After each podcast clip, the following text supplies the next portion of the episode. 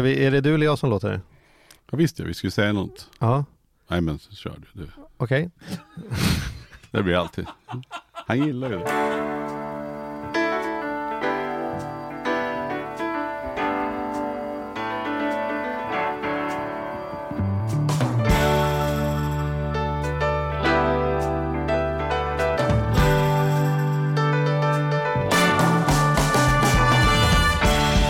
Hej och välkommen till Ekonomi på riktigt med Charlie och Mattias. En podd om ekonomi på riktigt i samarbete med Hemverket. Hemverket som är en mäklarkedja där du betalar ett lågt fast arvode, 15 000, och så sköter du visningen själv som säljare istället för att det står en mäklare där och pekar.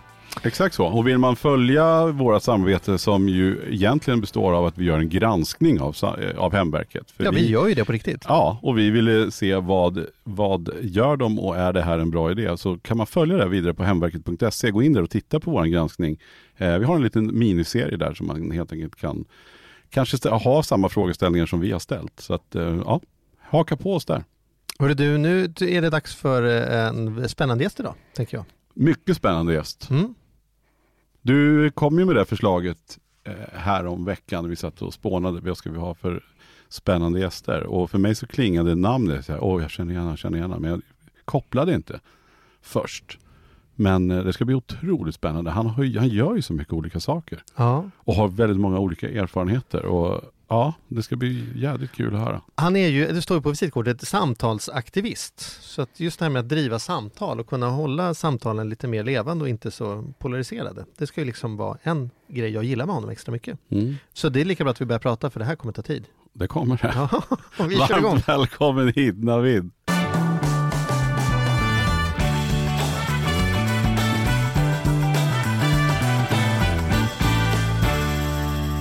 Välkommen hit Navid.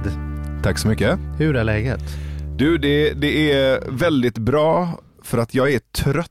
Jag är jätte, jättetrött. Jag har sovit så otroligt lite de två senaste nätterna. Och då blir jag lite dum i huvudet så jag är lite roligare att göra med då. Är det så? Ja. För det tänker jag också med dig. Du och jag har ju liksom stött på varandra genom åren Mm. med ömsesidig respekt. Det kan inte säga ömsesidig, ingen Du aning. kan ju inte bestämma Du att jag kan har inte respekt bestämma för att du har dig. respekt för Vad mig, men jag har i alla fall haft respekt för dig. Och då har jag också noterat att du är eh, alltid en sån tänkande person, så Mm. jag faktiskt, jag har tänkt om det, att undra om det är jobbigt ibland, att, det tänks, att, du, att du känner att du tänker för mycket. Jag tror att det är en av de jobbigaste grejerna i, i mitt liv. Att jag kan tänka och övertänka och överanalysera saker. Mm. Så när jag är trött så, så, så sover min hjärna och då kommer andra delar fram. Mm. Och de är mycket roligare tycker jag. Ja. Mm. Och, och ni två har ju setts i lite senare i föreläsningssammanhang och sådär. Men för mig så, jag var tvungen att googla när vi, Charlie sa ju så här, jag, jag hittade en fantastisk gäst och sen så sa han ditt namn och jag kände, ja, ja, men vänta nu. Så googlade jag och när man googlar dig, Mm. då får man ju fram att du är född i Iran, Mm. eh, du har spelat golf med Jimmie Åkesson och du har nyligen Alltså så här en gång, var, alltså inte så här som att ni är gamla Nej men jag bara, golfpolare, ja men utan- precis, spela Mm. golf med Jimmy också. Ja. Och så minns jag dig tydligt från filmkrönikan. Mm. Och sen så är ju också både musiker och aktuell med en ny bok. Mhm. Det är ganska mycket som, det är mycket där att prata om känner jag. Mm. Absolut. Vad tycker du själv att du är liksom?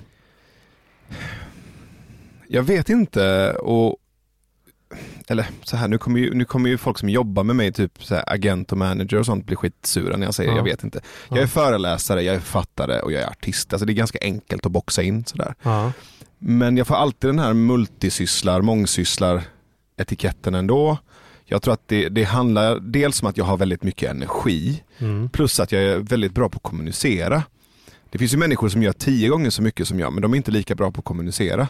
Så jag tror att det är lätt att få en bild av mig också att jag gör, jag gör mycket men kan, man kan lätt få en bild av att jag gör ännu mycket mer bara för att jag snackar om det hela tiden. Hur kommer det sig att du spelar golf med Jimmy Åkesson?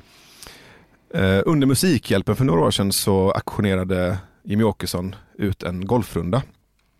Och folk blev ju ganska så provocerade. Det var, det var många som blev provocerade och de människorna menade på att det var, det var fel av Sveriges Radio att, eh, att, och Sveriges Television att låta Jimmy Åkesson aktionera ut en golfrunda och ord som rasist och antidemokratisk och massa olika eh, ganska taggiga etiketter kastades på honom och på, på SVT och SR. Men och vad tänkte du när du hörde det då? Tänkte du likadant eller tänkte du Nej, jag hade ju inte sett generöst? det först. Nej, okej. Utan det var en kompis i Göteborg som hörde av sig och sa, du, folk är, folk är skitsura på public service för att de, de har låtit Jimmy Åkesson eh, auktionera ut en golfrunda. Och sen är det de som är sura på de som är sura på public service för att de tycker att, hallå vi lever i en demokrati, det är klart att han får auktionera ut en golfrunda. Och sen är det de som är sura på de som är sura på de som är sura på public service. Och alla bara skäller ut varandra som vanligt. Mm. Och då sa hon, du, inte det här ett tillfälle för dig att, att kliva in? För att du brukar hoppa på saker och göra dem på ett annat sätt. Eh, så det var hennes förslag egentligen. Det är en, om vi nu ska göra shoutout, så shoutout till eh, Louise Pekkanen i Göteborg som kom Mm. på idén. Mm. Eh, och hon sa, men om du spelar golf med honom så blir det kanske en annan vibe. Då tänkte jag, ja det är ingen dum idé. Och då la jag några tusen på, som bud. Och sen så tänkte jag, ah, vad fan, jag har ju massa kompisar som har pengar över. Eh, kan inte de chippa in lite? Så messade jag till dem. Så jag tänkte, fan jag har säkert lite Facebook-kompisar som också har pengar över. Så jag la ut frågan på Facebook och sen exploderade skiten i ansiktet på mig som det brukar. Och så satt jag där och... Då tänker jag så här att när jag, när jag hörde det så, så visste jag ju att det var du.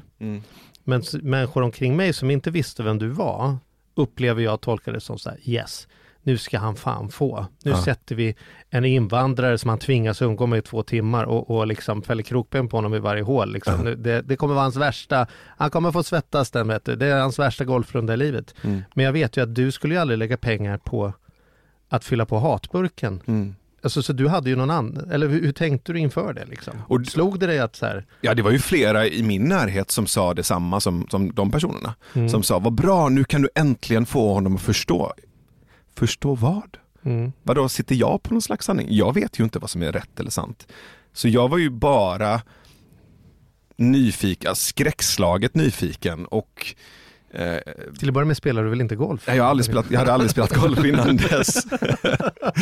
Eh, Så bara utifrån ett klassperspektiv, att som en gammal eh, knegarunge kliva upp på, på en golfbana. Jag var övade en gång innan med min kompis Jesper på Lidingö folk, eh, golfklubb.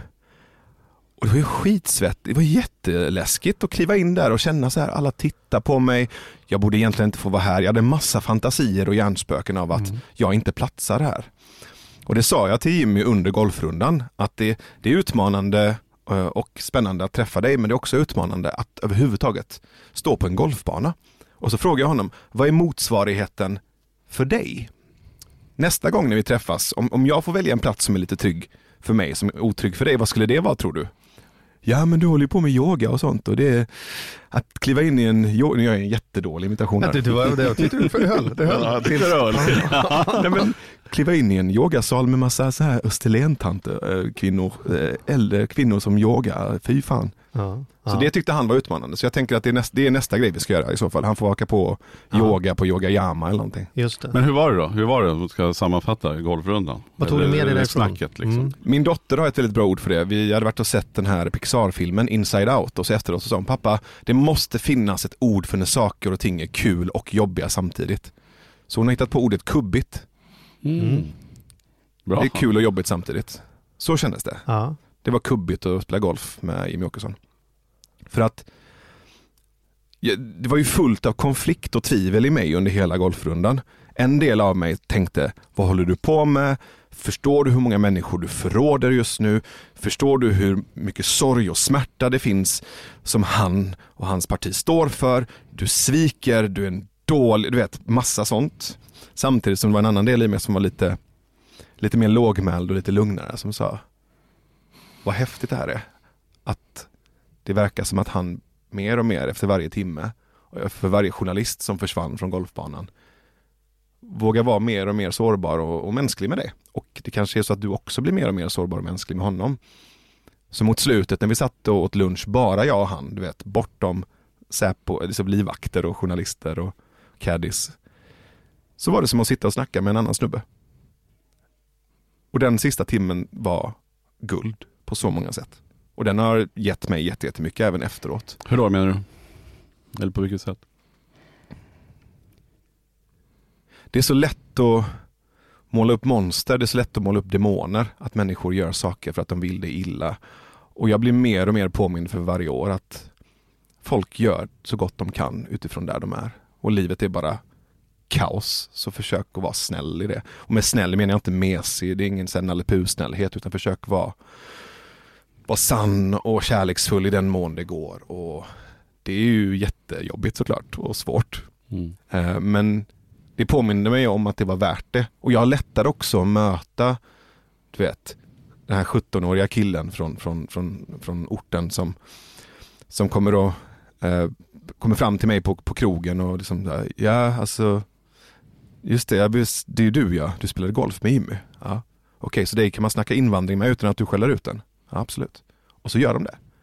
Och då blir jag alltid så tacksam för att det går att ha det samtalet.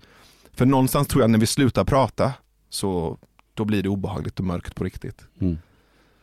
Det var kul att du säger det, för att det var ju därför när du och jag inför detta, så, så här, kan inte du komma? Du sa, jag kommer jättegärna, vad ska vi prata om? Och då sa just det där, vi ska prata om invandring, vi ska prata om flyktingar, vi ska prata om eh, utanförskap, mellanförskap som du har mm. skapat och se liksom hur, om vi kan prata ekonomi. Det är inte ekonomi. jag som har skapat det, jag måste bara få säga Jaså, jaha, du ser. Om, mm. Jag har lånat. Okej. Okay. Men ja, och då tänkte jag, och ekonomin i det, kan, kan vi prata om det på ett å ena sidan och andra sidan mm. perspektiv istället för, för, för det är ju faktiskt så, som, som en, en 43-årig svennebanan så är det här för mig på riktigt lite klurigt att prata om i offentligheten. Därför mm. att det är så mycket rädsla för att, å ena, alltså att, man, att man ska hamna i något läger där man jag upplever att alla är väldigt snabbt beredda att skjuta ner en. och just att det dödar samtalet. Vi har ju faktiskt suttit och gjort här eh, över ett år av poddar och, det, det, och att det har tagit oss ett år att prata om den typen av ekonomi som, som eh, det innebär att vara flykting och innebär att vara ett land som tar emot flyktingar. Känns det lättare att prata om det när jag är här?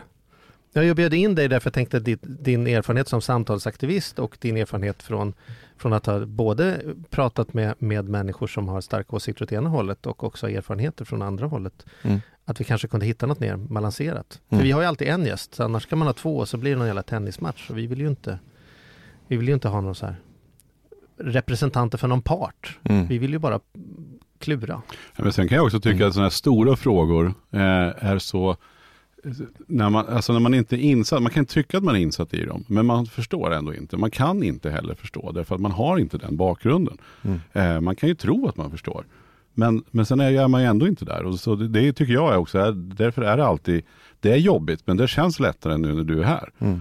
För, för då kan vi, då kan vi liksom prata rakt om det. Annars är det så lätt att man pratar om någonting eller att man tassar runt och sådär för att det finns så jävla mycket fördomar. Mm. Och jag hör, kommer på, man får ju tänka varje dag på att inte åka in i fördomar eller skämt eller någonting som skadar någon, inte minst nu med liksom metoo-kampanjen. Så här, hur, ja men fan jag menar ju inte, säger någon, nej men du satt ju nyss och skojade om det eller ja. kan du liksom ta åt sig själv också. Alltså, och det är alltid känsligt, så du, ja, det ska jag säga. Mm. Vad, vad, vad tror ni är, vad är de om man nu tänker att man inte har fattat, vad är det de flesta av oss, inklusive mig, då, inte har fattat när det kommer till, kommer till eh, flyktingpolitik och ekonomi och sådana saker? Vad är liksom de stora... Det alla börjar i är ju så här, hur många har vi råd att ta emot? Just det. det och sen så säger, säger andra då så här, frågan är felställd, vi bara tjänar pengar, ju fler vi tar in, ju rikare blir vi. Ja. Eh, och så står man där någonstans i mitten och tänker så här, det låter inte som någon av dem kan vara riktigt sann, men jag vågar inte, vet inte vilket håll jag ska vrida huvudet. Är du Nej, med? men jag, jag, tror inte heller att någon av dem är sanna. Jag, jag gillar det du sa att kan vi, kan vi bara vara i samtalet och klura lite? Jag, jag och min kompis Björn, vi har också en, en podd och vi brukar prata om att det är viktigt att provprata utan att behöva bestämma sig hela tiden. Eller utan att behöva bestämma läger hela tiden eller kunna prata bortom rätt och fel, bortom vi och dem. Det blir ett annat typ av mer undersökande och utforskande samtal. Så vi kan väl bara säga att vi tillåter oss att provprata. Här mm, det är bra. Det mm. och det öppnar upp en del. Ja, det gör det verkligen. Då, det ska jag börja köra med. Det där, ja. ska jag, det där ska jag verkligen ta med mig när man, ja. när man träffar kompisar och man sitter i, i, i såna här, man går in i de snacken så säger jag låt oss provprata lite. Man, mm. Vi behöver inte stå för allt. Liksom, eller så, stå, ja. Och då fattar folk också att du inte positionerar dig och då behöver inte de försvara sig. Det, det, det hjälper faktiskt. Mm. Jag, jag tror för att svara på Charlies fråga att det jag tror inte att heller att någon av lösningarna är sann. Jag, jag har försökt sätta mig in i och läsa på lite om, om ideologier på sistone. Och det finns någonting spännande när de här olika sätten att se på världen, ofta handlar det ju mycket om pengar. Ehm, när de här olika ideologierna och perspektiven, när de får samspela, så, så, så är det som att det uppstår en dynamik. Och jag tror att den dynamiken är viktig, det är därför du inte kan ge någon av dem helt rätt. Hur då menar du? Ja, men, du, du, du sa ju precis, eh, om vi tar det som ett exempel. Vi har inte råd att släppa in hur många som helst. Eh, säger ett gäng. Och det andra gänget sa, vad var det du sa nu? Ehm, Att vi, vi, det, vi behöver alla vi kan få och vi känner, ju fler som kommer hit och hjälper till, ju mer pengar tjänar Just vi. det. Liksom.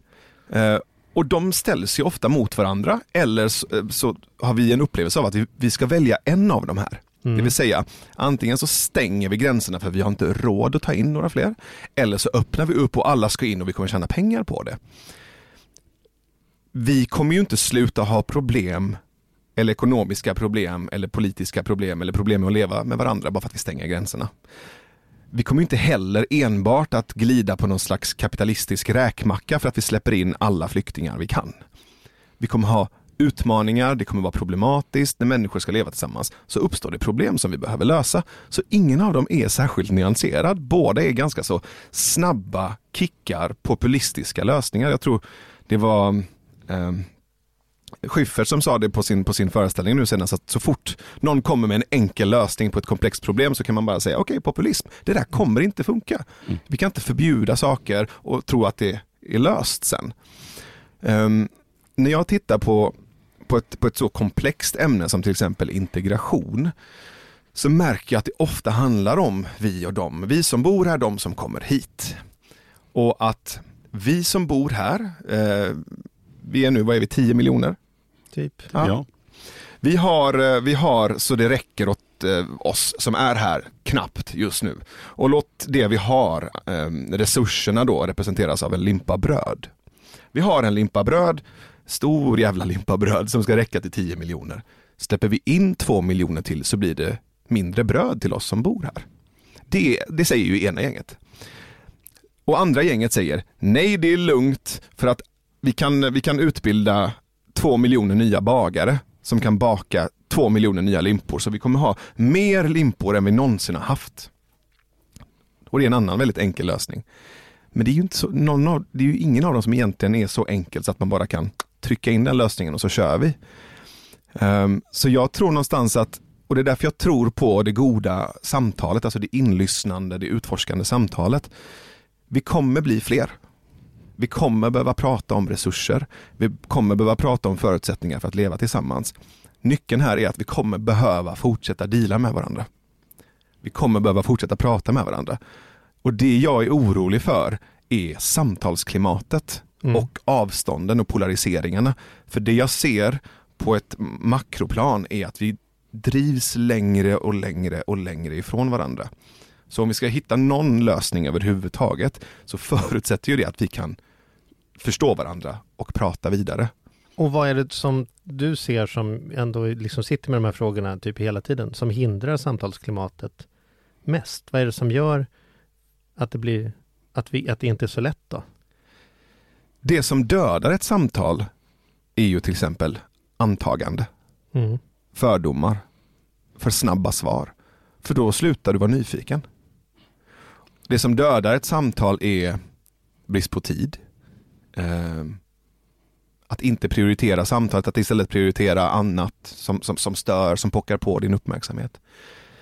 Jag tror att om vi ska kunna prata med varandra så behöver vi dels en intention av att vilja lyssna på djupet och vara nyfikna på varandra. Att ha en förmågan att ha fel om varandra, att kunna tänka om varandra, den bilden vi har av varandra. Och att skapa tid och utrymme och faktiskt fokus för att lyssna. Det tror jag är förutsättningar för att kunna ha ett annat typ av samtal. Till exempel att, att vilja ha fel. Att, att inte men bara vara beredd på det utan att, få vilja ha fel. också. Ja, eller hur? Det, ty- det tycker jag är väl det, läskigaste just nu att, att det, det, det, att det är så svårt, alltså, alltså man, får man ha fel? vi pratar om politiker som, Mm. som håller sig innanför, innanför det ena och det andra därför att man får inte ha, man kan inte säga så ja nej men okej okay, jag hade fel, jag var dåligt påläst, ja, intressant, nej det var inte alls den här folkgruppen, ja du ser. Ja men det så, här, ja, så får det inte vara och det är Mm. liksom så här, ja. Säga liksom, ja invandrare, "Åh, du får inte säga invandrare, det är fel ord. Det, Mm. det, det, det avslöjar allt om dig. Du ska säga någonting annat istället, det ska heta nyanlända, liksom. du ska inte döma folk på för... Alltså att det, blir, det, det, är så himla taggigt Mm. tänker jag. Eller är det, är det gubbigt bara så här att ja, man får inte kalla eh, en negerboll för negerboll längre. Alltså så här, är, är det den gubben i mig som bor då? Eller tycker du att det har en poäng? Eller? Nu vart jag så här Jag förstår, jag förstår, jag förstår vad du menar. Och jag kan också förstå att när det kommer väldigt snabba reprimander och bestraffningar så gör att människor till slut inte vågar säga lika mycket eller fråga lika mycket. Ehm, och så tror jag att det kan finnas en poäng i att vissa saker behöver vi uppdatera. Mm. Eh, Men det är också en balansgång. Det finns ju till exempel de som, om vi tar just n-ordet som exempel, att men nu får vi inte säga det längre och om vi inte får säga det, men då får vi inte kalla någonting för någonting längre och till slut så får vi inte prata. Men då har man dragit martyrskapet. Det, har vi, det, alltså, det handlar väl om en respektfråga snarare än rätt och fel. Liksom. Jo men ab- absolut, men det finns Ja. ju ändå ganska, det finns tillräckligt Ja. många människor som, som, som känner en oro eller som känner att om jag inte får säga det så kanske jag inte får säga andra saker och till slut så kommer Sverige vara ett kalifat och alla kommer liksom halshuggas. Det går lite fort där. Det, det, det tycker jag. Samtidigt så tror jag att den upplevelsen av rädsla är sann. Mm. Så vad är det människor känner sig oroliga för? Jag tror att den rädslan behöver vi på något sätt ändå adressera. Det människor försöker säga till oss om och om igen är "Ah, Mm. jag känner mig inte riktigt trygg i det här. Mm. Om du, säg att du är man nu till exempel under metoo, eh, det som har hänt. Jag tror många män upplever en oro, eh, kanske också en, en stor rädsla. Tänk om jag säger fel, tänk om jag gör fel. Det kan finnas en poäng i att fundera över vad det är att vara man idag. Det kan finnas en poäng i att prata om maskulinitet. Det kan finnas en stark poäng i att vi som män sitter tillsammans och ifrågasätter vissa saker vi gör. Och sen kan det också vara en poäng i att ifrågasätta vissa delar av metoo-rörelsen Mm. och försöka hitta det. En klokhet i det eller en nyansering i det. Jag säger inte att det är lätt Mm. och det är minerad mark för det finns så mycket smärta, det finns så mycket trauma, det finns så mycket våldsamhet i det och så många människor som har råkat illa ut. Och det är lite samma sak tror jag när vi pratar om invandring. Att det är ju ett rum, det här samtalet, eller de många samtalen kring invandring, det är ett rum med, med både nyfikenhet och samtal men också terror och, och flykt och, och våld och otroligt mycket smärta. Så att det är väldigt många olika typer av känslor och, och saker i samma rum. Och jag tror att det kan finnas en poäng i att förstå att även om du kommer från en plats av nyfikenhet så kan det vara så att den andra personens dörr in till rummet har varit skräck och smärta. Mm. Men bygger det inte också på att vi är lite oupplysta eller att vi inte har kunskapen? Alltså det är väl en kunskapsgrund som man inte får och som man bara kan få genom samtalet. Eller liksom att våga fortsätta prata.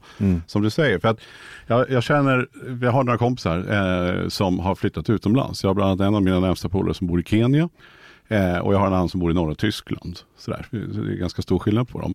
Men båda har ju slagits av att när de kommer hit så de har aldrig vi snackade om det förresten när du var på Mallis, va? eller på Gran Canaria Charlie. Mm. Att de har ju inte umgås med så många svenskar nästan. Eller så här, de har inte umgås med så många människor. Eh, som de har gjort när de har flyttat till, till Nairobi. Mm. Och de följer svensk tv, svenska medier, svenska grejer. Fast de ju känner att nu, nu ska vi ta del av kulturen. Men de har liksom ändå kokat ner där. Och den här killen som bor i norra Tyskland. Samma sak, så här, de, de bestämde ner, han flyttade ner av, eh, på grund av, av en sportkarriär. Och deras första tanke var så här, ja men när vi får barn då ska vi i alla fall åka hem till Sverige och göra det. Punkt. För det vet man att det var så mycket bättre. När de fick andra barnen så var det tvärtom. Vad vi än gör nu, vi åker hem över jul och nyår men det är dags att föda barn, då måste vi se till att vara i Tyskland. För där har de ju en helt annan Ja, men, så det tar tid, men fortfarande så är det svenska kanaler och svenska kompisar och sådär. Och då kan man ju också bara tänka sig just det här med grupperingarna. Hur fan ska det då vara att komma liksom från andra hållet där man tvingas flytta till ett annat land och det är klart att man låser in sig. Liksom. Jag tänker från alla håll. Ja men det där, det där är ju jättespännande. För att så precis, det pratade vi om med mig. Då, för du berättade att du har varit nere på, du har gjort någon föreläsning ja, det jag, jag, jag hänger ganska mycket på Teneriffa för att jag har må, må, ett, ett gäng vänner som bor där nere, svenskar. Eh, de är ju invandrare allihopa. Alltså de är svenskar som har invandrat till Spanien. Eh, och de bor där och de jobbar där och hänger bara med andra invandrare som Mm. också har invandrat från, från, eller utvandrat från Sverige och så vidare. Eh, men, och det kan jag avslöja att på Teneriffa firar man någonting storligen i den gruppen som ingen firar här. Man firar på riktigt kanelbullens dag. Kanelbullens dag är en stor grej. Jaha. Det är liksom ledigt i skolan för att alla barnen bakar bullar och man delar ut bullar till andra svenskar på stan. För att liksom man är aldrig så svensk som man är Ja. när man inte är i Sverige. Ja. Och det är ju exakt det som vi har massa åsikter om att det, att det händer när, när eh, flyktingar kommer hit. Ja, de bor i samma områden och sen så tar de hit sina släktingar. Ja, det är klart att liksom, vad tror du mina vänner gör på Teneriffa på jul och nyår? Det är klart att mormor och morfar och syskon alla kommer ner och kan de köpa en lägenhet i närheten klarar de det. Men det finns någon liten ful grej där som att har man kommit till Sverige eh, utan en påse pengar, man har kommit som flykting eller man har kommit som arbetskraftsinvandrare, då, då, då, då är det som ett ok man ska bära kvar på något sätt. Och få, då, då, det är liksom det, den, den ska ju aldrig gå ur så att man har rätten att ta hit sina släktingar och, eller liksom ta de pengarna man har tjänat ihop och, och, och skicka till vem man vill. Utan då är det som, ja de håller han på det, tjänar han pengar så skickar han hem dem, så han får väl skicka dem vart han vill om han har, om han har tjänat ihop dem själv. Ska jag ha för åsikt om det? Mm. Jag ska släppa in Navid, vad säger du om Ja. vårt, Vad babblar vi om? pratar om nu? Ja, vad babblar vi om? Nu, Mm. Vi sitter ju här och provpratar lite. Absolut, men jag, jag uppskattar det. Jag tycker det är fint att sitta och lyssna på också. Jag tror att ehm, Vi ska ha en ny podd där folk lyssnar på oss nu. det, det, det är så, begreppet invandrare är ju så otroligt abstrakt. Jag menar, det är värt att komma ihåg att när vi säger ordet invandrare så menar vi alla de som kommer till Sverige från alla länder i världen av tusen olika anledningar genom historien. Mm. Vad menar vi? Ja. Det är en otrolig skillnad på till exempel min familj som kommer från, från Iran 85. Två vänsterintellektuella föräldrar, otroligt bildade, kommer till Sverige för att de älskar Palme. Mm. Okej? De kommer till Sverige, de har koll, de har koll på eh, populärkulturen, de har koll på svenska historien, de har koll på politiken. De kommer hit, bland det första som händer på flyktingförläggningen är att de, mamma blir rastlös, så, så mamma och pappa går och köper en svensk ordbok och post-it-lappar och så köper de massa ingredienser för att de vill baka bröd. Det finns bröd och mat på flyktingförläggningen, men de vill baka själva. De vill känna sig kapabla, de vill känna sig levande, så de vill baka sitt bröd. Så de står och bakar bröd mitt i natten och så eh, Och skriver de röker ner gula Blend. och, och röker gula Blend Ja. och skriver ner en massa svenska glosor på post-it-lappar och förhör varandra på det och lär sig svenska inom ett år själva, inte genom SFI. Mm. Och det gör de ju för att det, sammanhanget i Iran som de kommer ifrån är kunskap, en, en otrolig dygd. Samtalet, eh, kunskapsletandet, det intellektuella, det är någonting som de har med sig från sina små studentkaféer eller, eller universitetssammanhang i Teheran. Och sen så jämför du det eh, plötsligt då med en familj som kommer från kanske Somalia eller Afghanistan som kanske knappt kan läsa eller skriva på sitt eget språk. Och så kommer de till Sverige undan krig eh, och har helt andra liksom, kulturella preferenser, helt andra värderingar och helt andra anledningar till att komma till Sverige. Och sen jämför vi plötsligt de här två grupperna med varandra som inte har någonting med varandra att göra och så kallar vi det för invandrare. Mm. Och så får de vara i samma rum som typ en tysk, en dansk och, och Bellman. Mm. Mm. Det är jättekrångligt att börja prata överhuvudtaget. Vilket gör att vi måste öppna dörren till det lite mer komplexa rummet. Och det tar tid. Och vi behöver lära känna varandra och det- tar också tid. Vi behöver förstå nyanser och det tar också tid. Och det kommer uppstå missförstånd och konflikter. Och det är också problematiskt för att vi har två saker här i Sverige som vi är jävligt bra på och det är konflikträdsla och effektivitet. Mm. Det blir lite svårt. Ingen bra kombo. Det är ingen bra kombo. Vi vill att det ska gå snabbt och det ska helst vara trevligt. Integration är inte trevligt och det går inte fort. Mm. Så det är därför jag hela tiden tänker, vänta lite, så här, långsamma ner det här. Och ta bort de här enkla lösningarna. Stäng av, så sätt dig ner och bara börja prata med varandra. Så kommer du till slut att lära känna andra människor. Och i den komplexiteten uppstår förståelse. Och plötsligt är inte människor främlingar längre.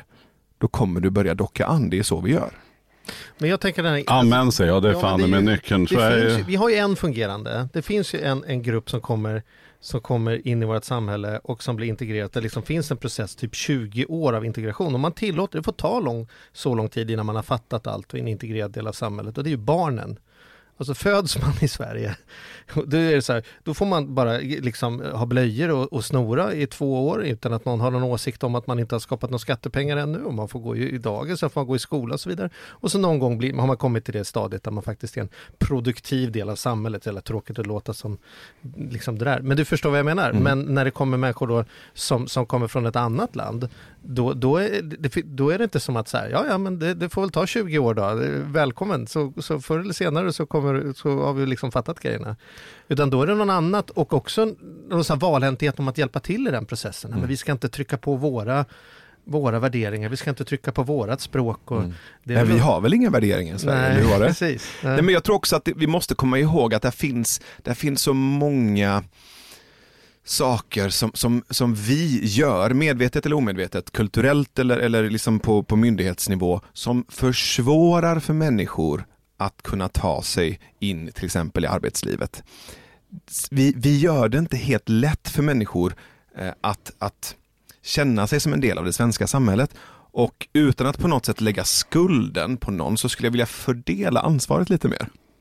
Jag tror nämligen att när människor kommer till Sverige så vill de väldigt mycket. Och sen så hamnar du i ett system. Och det här systemet som vi har byggt upp handlar inte så mycket om att stötta människor till att göra det de är bra på eller vill göra eller kanske utbilda sig eller utveckla sina kompetenser till nya områden. Vi har något av en förvaltningskultur i Sverige. Mm. Vi är inte så entreprenöriella eller så eh, individuellt stöttande som jag tror att vi skulle vilja vara eller som den självbilden vi har. Utan att en anledning, inte hela anledningen, men en anledning till att det kan ta lång tid för människor att komma in i samhället är att det här är vägen, det är den här du ska gå. Du ska gå den här vägen och vi ska hjälpa dig. Istället för att kanske vända lite på det. Jag träffade en man i, i Linköping som kom från Syrien. Han sa att under tre år var det ingen som hade frågat honom, vad vill du? Mm. Och det var Mm. ingen som hade frågat honom, vad vill du sen? Alla frågor de ställde till honom var frågor gällande hans förflutna. Vad kan du fram till den här punkten? Så han sa, jag känner, baserat på vad människor frågar mig på Arbetsförmedlingen, på de olika myndigheterna, på de, i de olika sammanhangen som jag varit.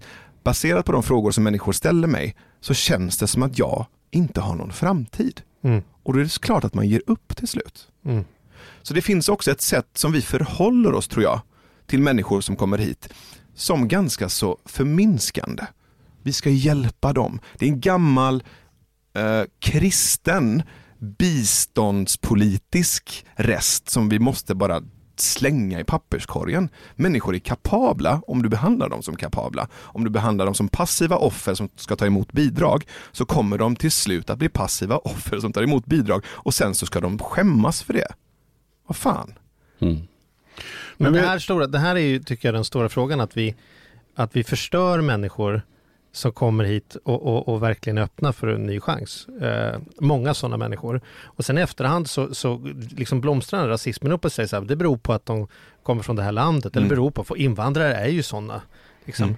Jag, jag tänker, vi satt och pratade med Bobo Krull här för, för någon månad sedan om den enorma ekonomiska slöseriet att alla dessa eh, unga människor som inte riktigt passar i skolan blir kriminella när de i själva verket är fantastiska entreprenörer. Vilken Mm. drivkraft, planeringsförmåga. Mm. Alltså, de är beredda att jobba häcken av sig för Mm.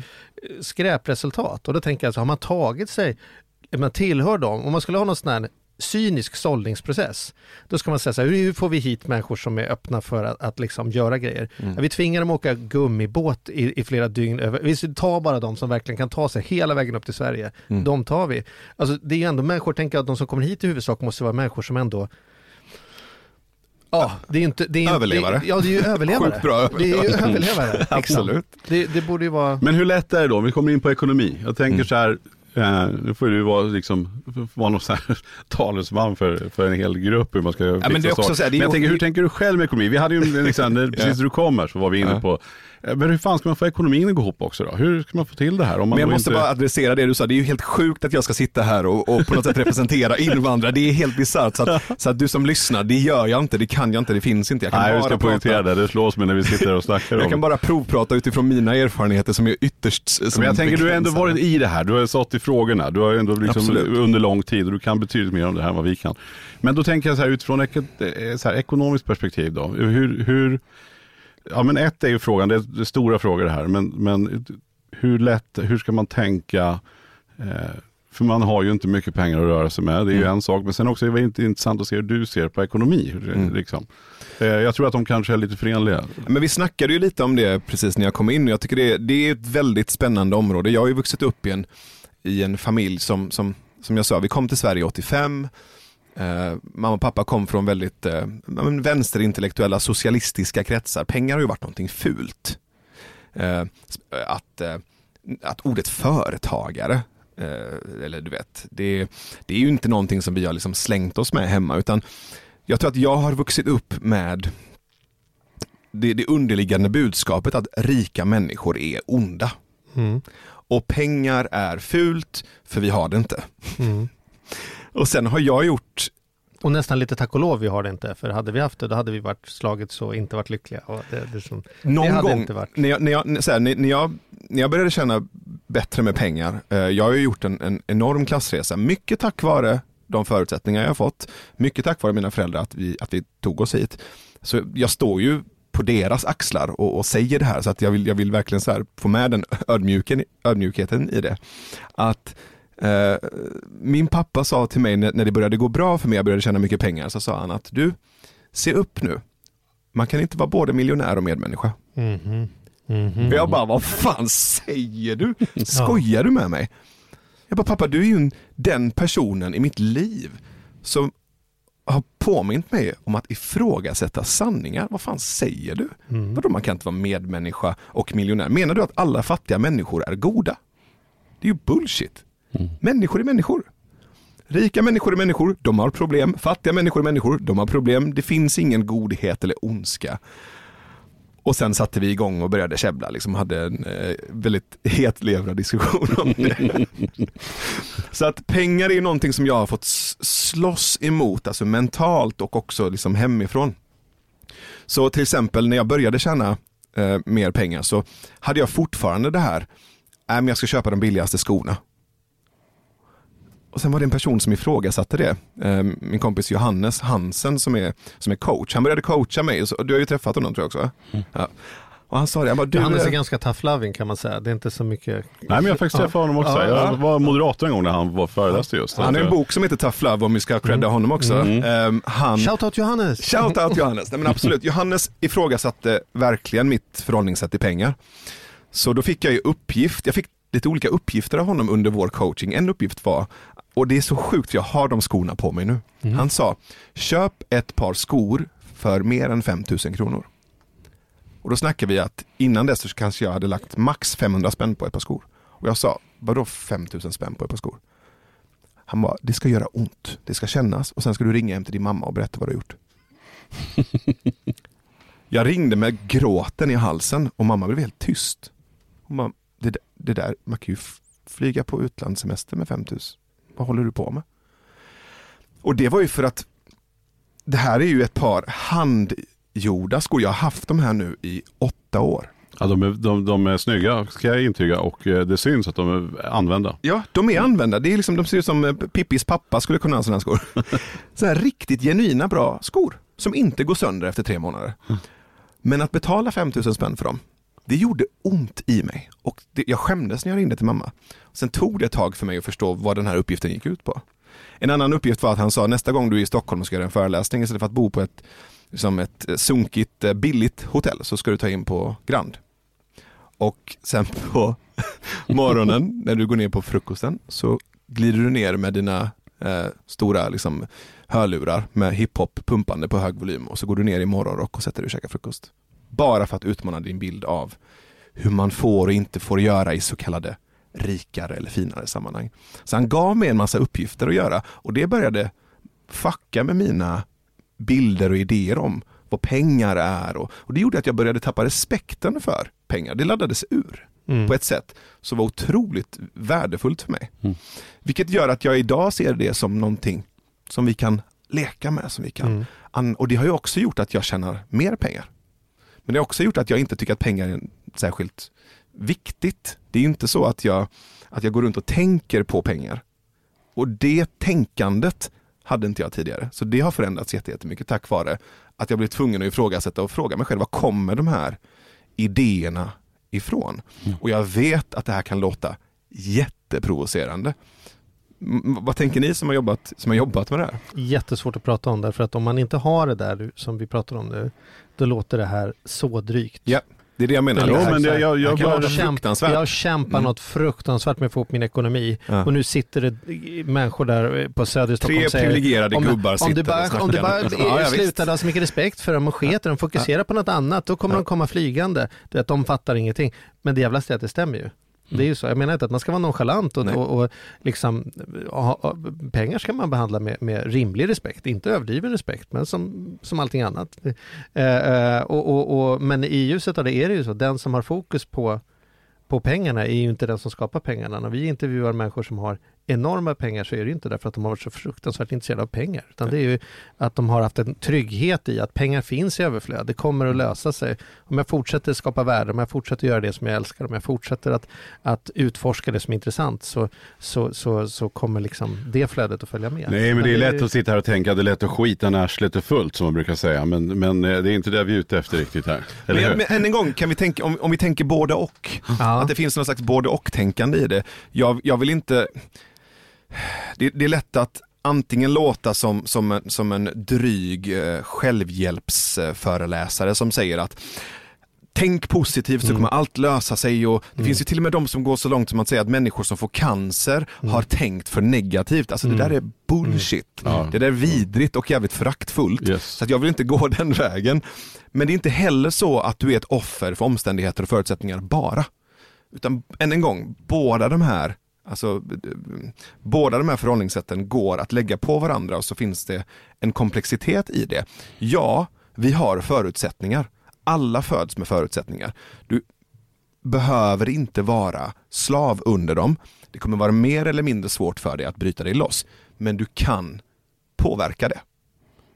Jag vill inte säga allt är möjligt, det enda jag vill säga är att du kan påverka det. Mm. Och pengar är mer än bara de här platta döda träden med döda kungar på. Mm. Det är också ett sätt att tänka kring pengar. Till exempel att jag skulle aldrig gå in och börja låna en massa pengar. Alltså det, det finns inte på min karta. Någonsin. Jag, jag, jag, jag, jag har lärt mig att jobba, jag har lärt mig att göra rätt för mig och inte stå i skuld. Mm. Det har varit en av de mest värdefulla läxorna jag fått hemifrån. Och det är ju en klassisk, skulle jag säga, arbetarklassvärdering. Det finns säkert i andra klasser också, men jag har fått med mig det som är klassiskt. Så här. Jobba, gör rätt för dig, låna inte, var inte en belastning, ta inte, liksom, ta inte emot bidrag. Så att jag, det finns ju inte på kartan att jag ska gå på, a-kassa eller den biten, även om jag har varit fattig frilans och suttit och käkat liksom, nudlar ur, rakt ur förpackningen. Men jag vägrade liksom, sätta mig i den situationen där jag skulle stå i skuld.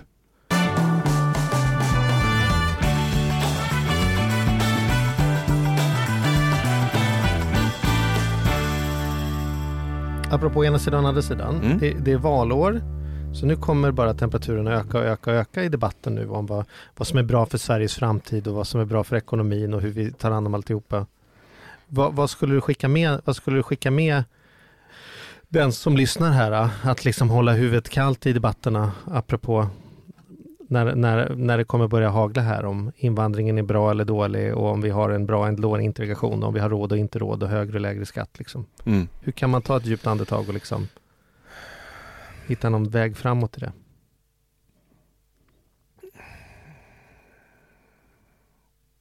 Fick du en svåring va?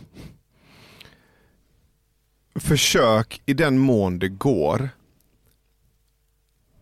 att vara otroligt ödmjuk och respektfull när du debatterar med människor på sociala medier. Det är nästan så att jag vill säga det är hopplöst, men jag vill inte säga det är hopplöst. Men det är otroligt svårt. För när vi börjar samtala, diskutera, debattera eh, på de digitala medierna, så är det ju någonting som går förlorat. Vi tappar värme, vi tappar blick och det gör att vi ofta har svårt att förstå varandras intentioner. Det är mycket lättare att mörda och liksom gå på och vara vass och hård mot en liten pixlig avatar än att sitta och skälla ut någon så här framför dem. För du ser, du ser att det är en människa av kött och blod som, som gör sitt bästa. Så det är det ena, var försiktig och tänk på när du diskuterar med människor på sociala medier att det där är, det är riskabelt. Träffas istället och ha samtal och diskutera men också ge de samtalen någon form av ram. Istället för gatuslagsmål så kanske vi kan skapa någon form av boxningsarena där vi har en ring. Där vi vet vad förutsättningarna för samtalet är. Att säga, nu provpratar jag, är ett exempel. Mm. Att säga vad du behöver för att känna dig lyssnad på av den andra personen, det är en, det är en annan aspekt av det. Men också att när du går in i ett samtal försöka lyssna annorlunda, försök lyssna på människor för att försöka förstå dem. Ha det som en intention, inte att ha rätt. Jag tror inte att det är så gynnsamt i slutändan. Jättebra. Fantastiskt. Ska vi avrunda där? Vi ska avrunda. Jag skulle också bara passa på och du ska få göra lite promotion för din bok tänker jag också. Absolut. Vill ni läsa min bok, den heter Hej syster. Ni hittar den på navidmodiri.com slash Hej syster. Det är en berättelse om flykt och mellanförskap som jag skrev eh, hösten 2015. Så läs väldigt den. Vackert, väldigt vackert skriven. Vackert, vackert språk som alltid när du häver ur dig så. ja, men jag var fascinerad av in. Jag tyckte också en väldigt snygg hemsida. Den var, jag gillade den jättemycket. Ja, vad och man bara tänkte till på de här korta, eh, så här, om de här grejerna som du har gjort. Så att, ja, jag varit, eh, Shoutouts till Jonas Abrahamsson då, som har gjort hemsidan. Tack Jonas. men bara, bara att Navid skrev en sån sak som att jag är inte invandrare, jag blev buren in i landet, jag kunde inte gå. Nej. Det är just Nugent som har sagt det, okay. så jag har snott den av honom. Ja, du ser, allt bra är stulet. Ja, men det är så. Det gäller att plocka på sig de bästa grejerna. Ja, så är det. Nej, men du, den här provpratet, det, det tar jag med mig. Mm. Väldigt starkt. Jag ska börja provprata mer med folk. Jag nice. tror att det är en väldigt bra lösning faktiskt. Då tycker jag vi har provat klart då. Ja, ska vi, ska, ska vi, börja spela, spela in, in då? då? Tack så jättemycket för att du kom. Tack, Tack snälla.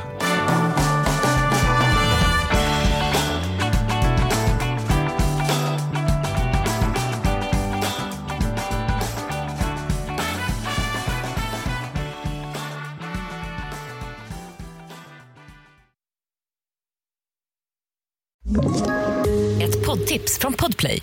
I podden Något Kaiko garanterar östgötarna Brutti och jag, Davva, dig en stor dos skratt.